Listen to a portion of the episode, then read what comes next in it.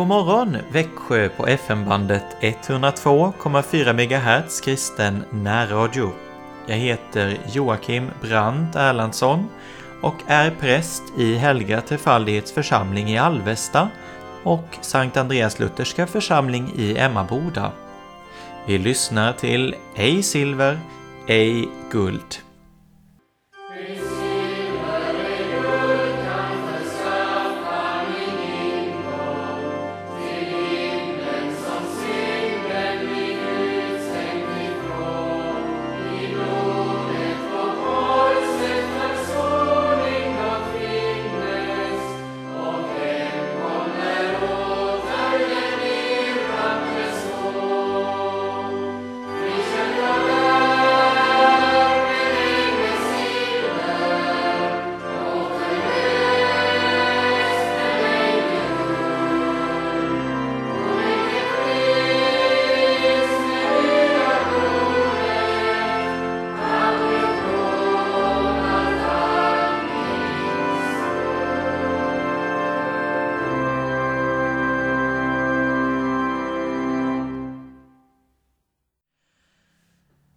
Låt oss inleda denna dag med att läsa de bibelord som hör till dagen från boken De maktlösas styrka för den 24 oktober. Ett ord från Jeremia kapitel 17. Hela du mig, Herre, så blir jag helad. Fräls mig du, så blir jag frälst. Helar du mig, Herre, så blir jag helad. Fräls mig du, så blir jag frälst. Ett ord från Jesajas 30 kapitel. Herren förbinder sitt folks skador och helar såren efter slagen som de har fått. Herren förbinder sitt folks skador och helar såren efter slagen som de har fått.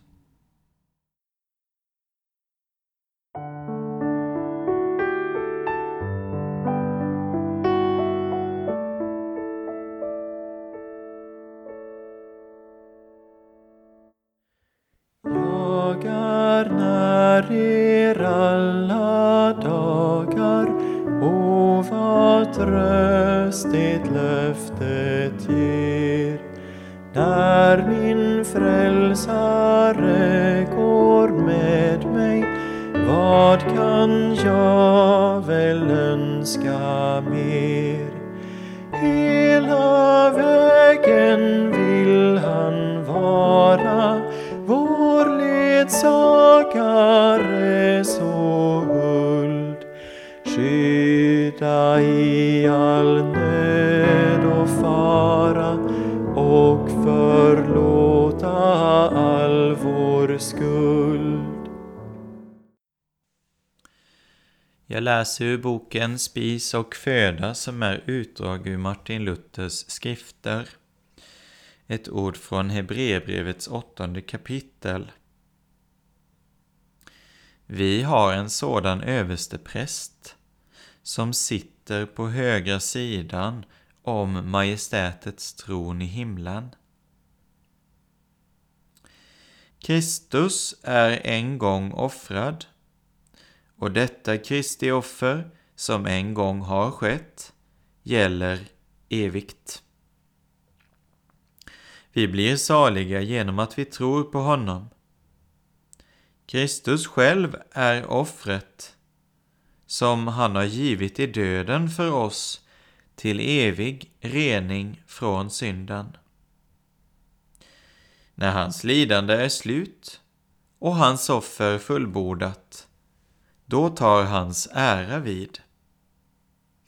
På korset faller hans ära bort i döden. Men Kristi strid varar bara en tid. Han ber då en prästerlig bön på korset. Fader, förlåt dem. genom detta offer som gäller för evigt, är tillfyllestgjort för alla människor. Men bara de som håller sig vid detta offer och för Gud klagar sin synd får förlåtelsen. Vad gör Kristus sedan? Han sitter på Guds högra sida.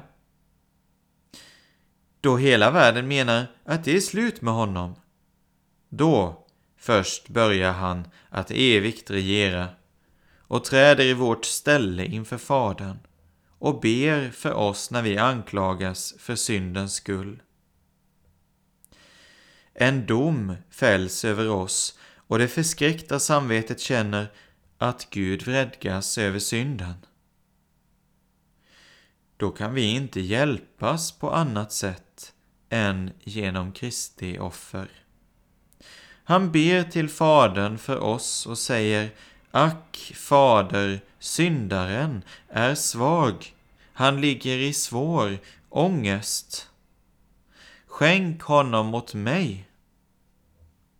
Jag har gottgjort vad han har brutit. Han litar på mitt eviga offer. Men den som inte tror på detta offer utan förtröstar på något annat, han kan i evighet inte hjälpas. Kristus sitter i himlen och väntar på att alla hans fiender blir lagda under hans fotapall. Detta är hans rätta ämbete. Han sover inte där uppe och slumrar inte. Han vakar för oss. Om nu människorna vänder sig till honom så vill han vara dem nära och hjälpa. Vi har en sådan överstepräst som sitter på högra sidan om majestätets tron i himlen. Jag är nära er alla dagar. Åh, vad tröst det löftet ger. När min frälsare går med mig, vad kan jag väl önska mer? Hela vägen vill han vara vår ledsagare, så huld, så mild. Skydda i all nöd och fara och förlåta all vår skuld. Om också varje jordisk glädje Gud i kärlek från mig tog, är min Jesus blott mig nära, har jag ändock över nog. Hela vägen vill han bära oss och bördan, din och min. Tills han sist sitt namn till ära bär oss i sin glädje in. Hela vägen går han med mig, genom djup och över höjd. Vid varje steg jag tar med smärta vid varje steg jag tar med fröjd. Löftet gäller hela vägen och han ska inte rygga det. Må vi då för hela vägen lita på hans trofasthet. Om och varje jordisk glädje Gud i kärlek från mig är min Jesus blott mig nära har jag ändock över nog. Hela vägen vill han bära oss och bördan din och min tills han sist sitt namn till ära bär oss i sin glädje in. Hela vägen går han med mig genom djup och över höjd. vid vart steg jag tar med smärta vid vart steg jag tar med fröjd Löftet gäller hela vägen och han skall ej rygga det. Må vi då för hela vägen lita på hans trofasthet. Jag läser ur Rosenius husandakt ett ord från första Petrusbrevet kapitel 2. Lägg därför bort all slags ondska, falskhet, hyckleri, avund och förtal. Vi vill hellre höra talas om vår nästas fel än om hennes förtjänster. Ett förskräckligt tecken på vårt djupa förfall. Och vi kan inte förklara varför det är så. Själva är vi mycket noga med vårt eget namn och rykte.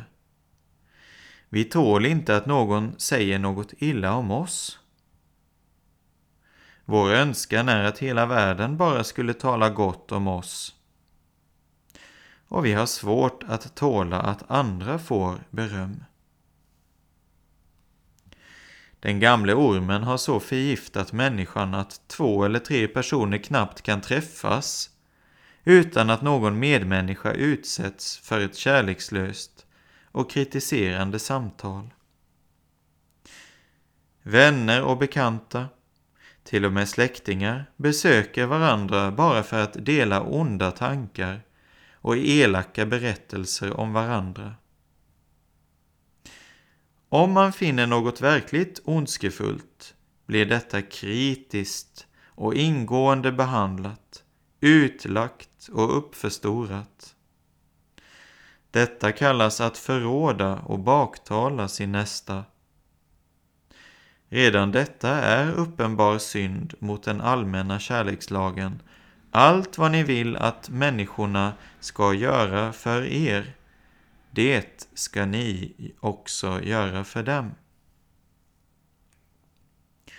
Men vi nöjer oss inte med att utveckla och sprida ut vad ont vederbörande har gjort.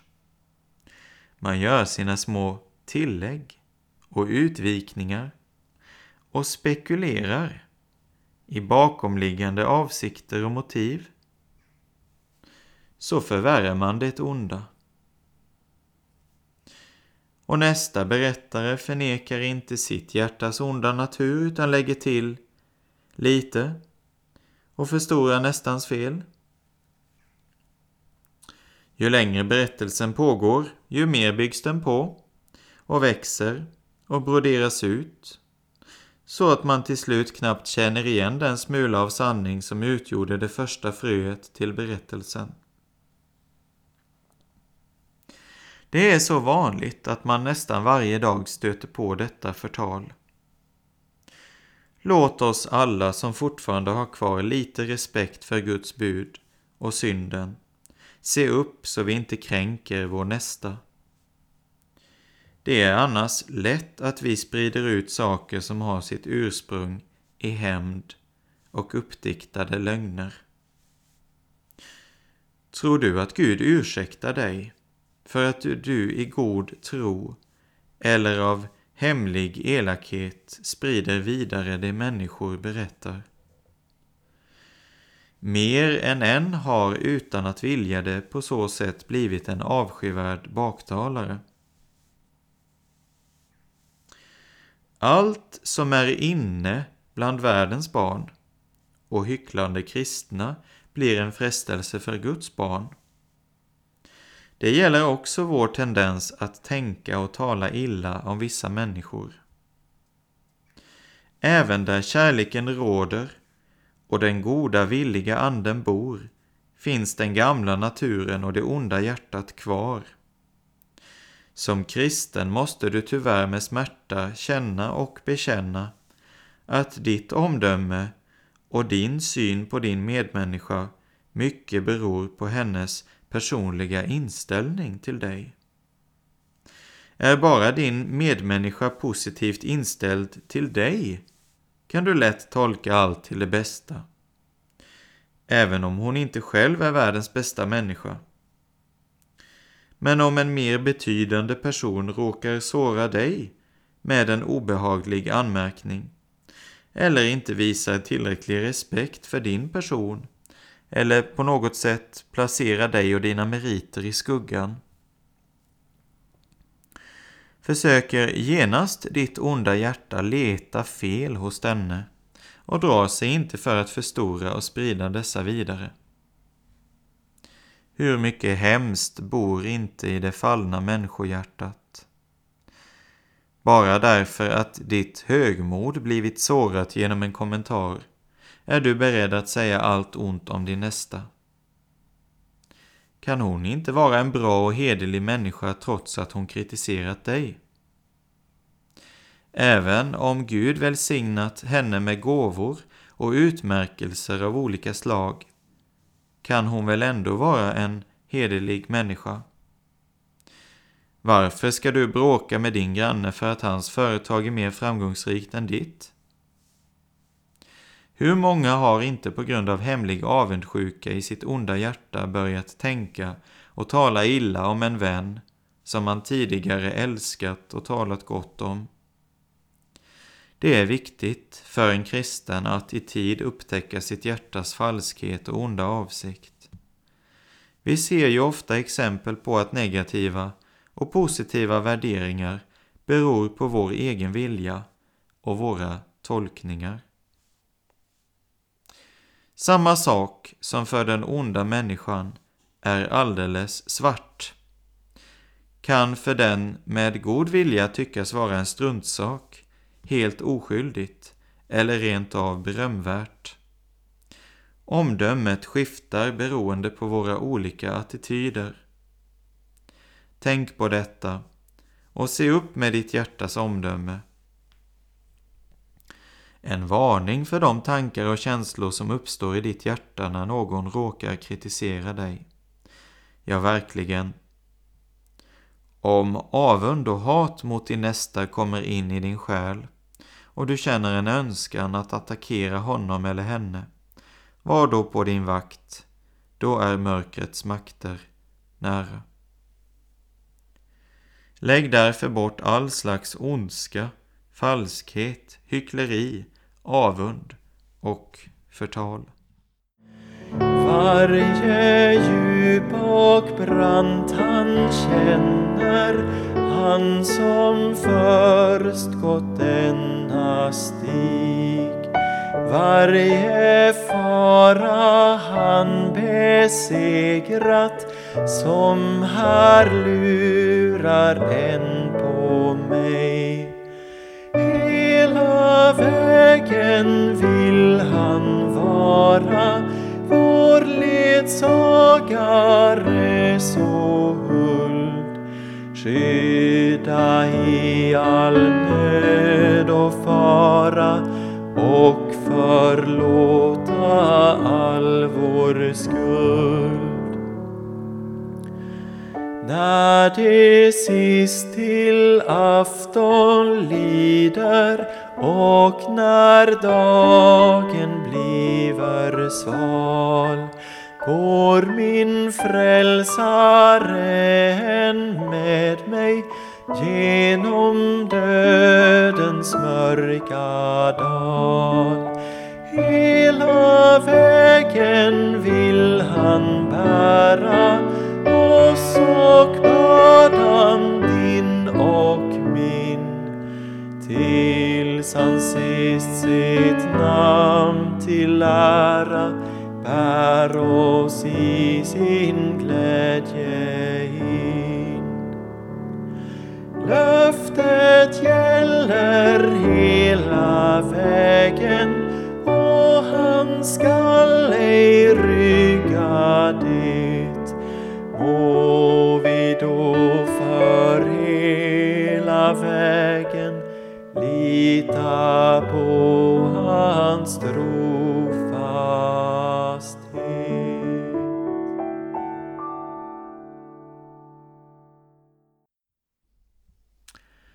läser ur andaktsboken Ett är nödvändigt av Hans-Erik Nissen.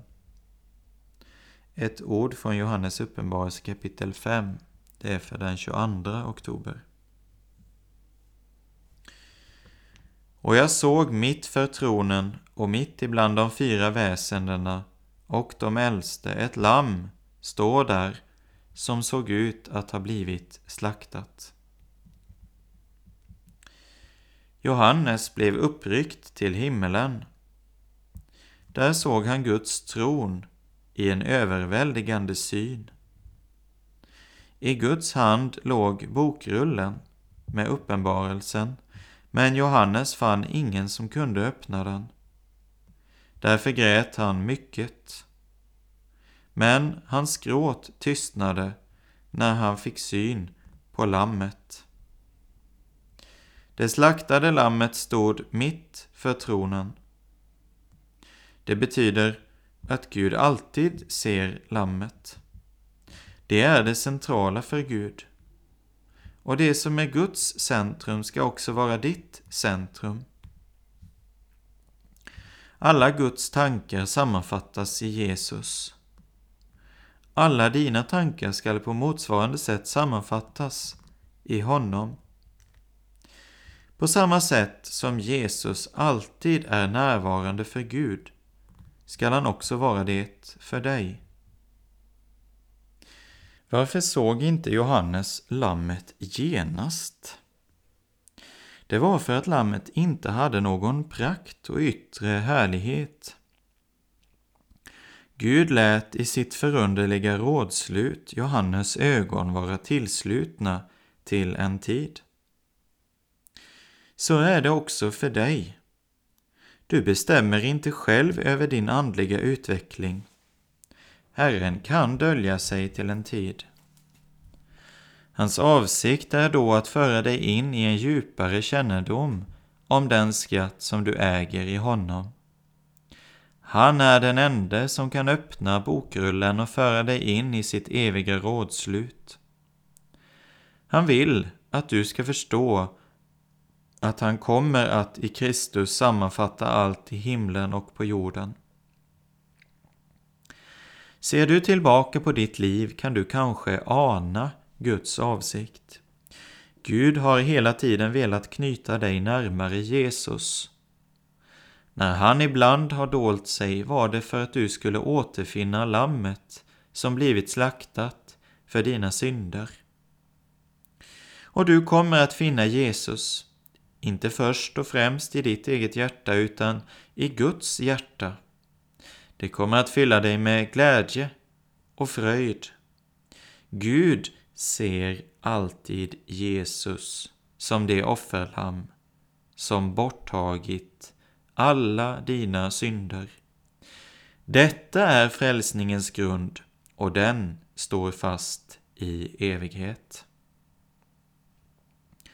Och jag såg mitt för tronen och mitt ibland de fyra väsendena och de äldste ett lamm stå där som såg ut att ha blivit slaktat.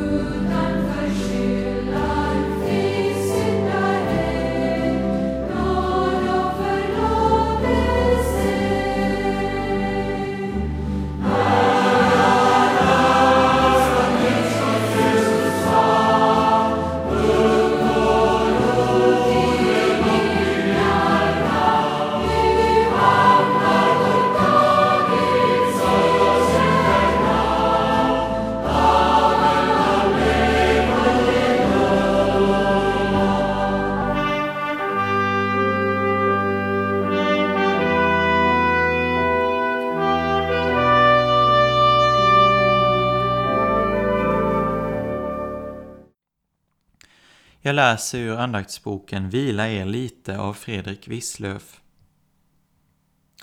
Han är lik morgonens ljus, när solen går upp. En morgon utan moln.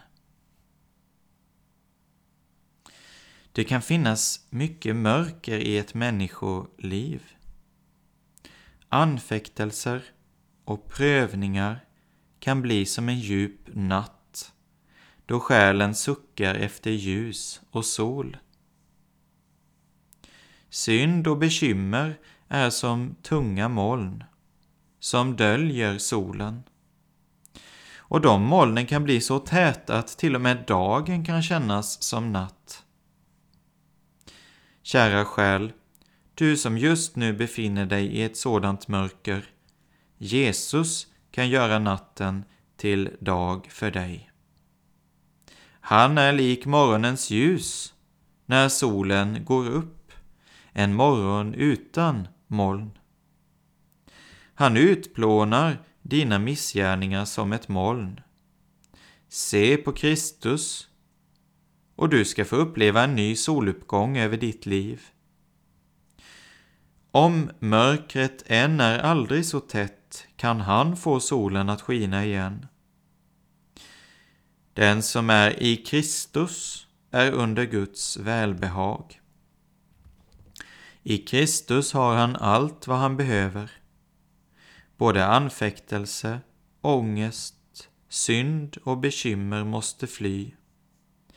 Hans himmel är öppen, hans ljus är klart. Hans morgon är utan moln.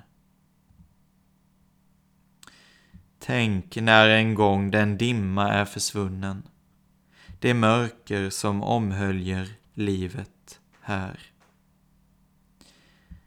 Han är lik morgonens ljus när solen går upp, en morgon utan moln.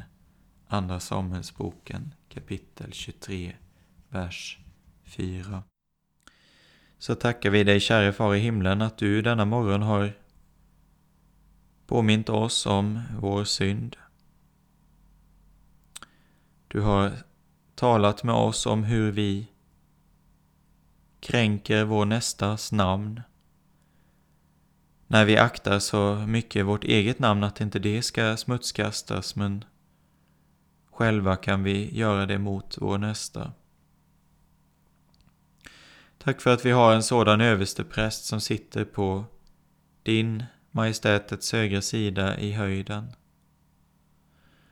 Som har gjort soning för våra synder och där vi får bekänna vår synd och skuld. Och tro, Herre, att du är som en morgon utan moln. Att du utplånar våra överträdelser som ett, som ett moln.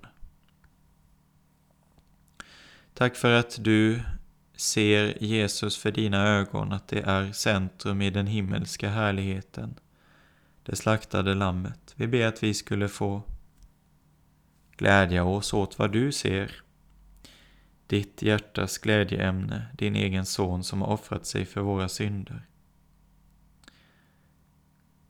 Tack för att Kristi blod hålls i så hög ära i himmelen, fast våra hjärtan inte kan riktigt gripa det så är det stort där i himlen. Ja, Herre, tack för att vad det än är vi med ångest och anfäktelse och prövning i livet så, så ska vi få tänka på den gång när dimman är försvunnen. Och det mörker som har höljt livet här, gjort det mörkt, Herre, det är försvunnet och vi ser bara ditt eget lamm som är slaktat för våra synder. Herren lever, välsignad vare min klippa och upphöjd vare min frälsnings Gud.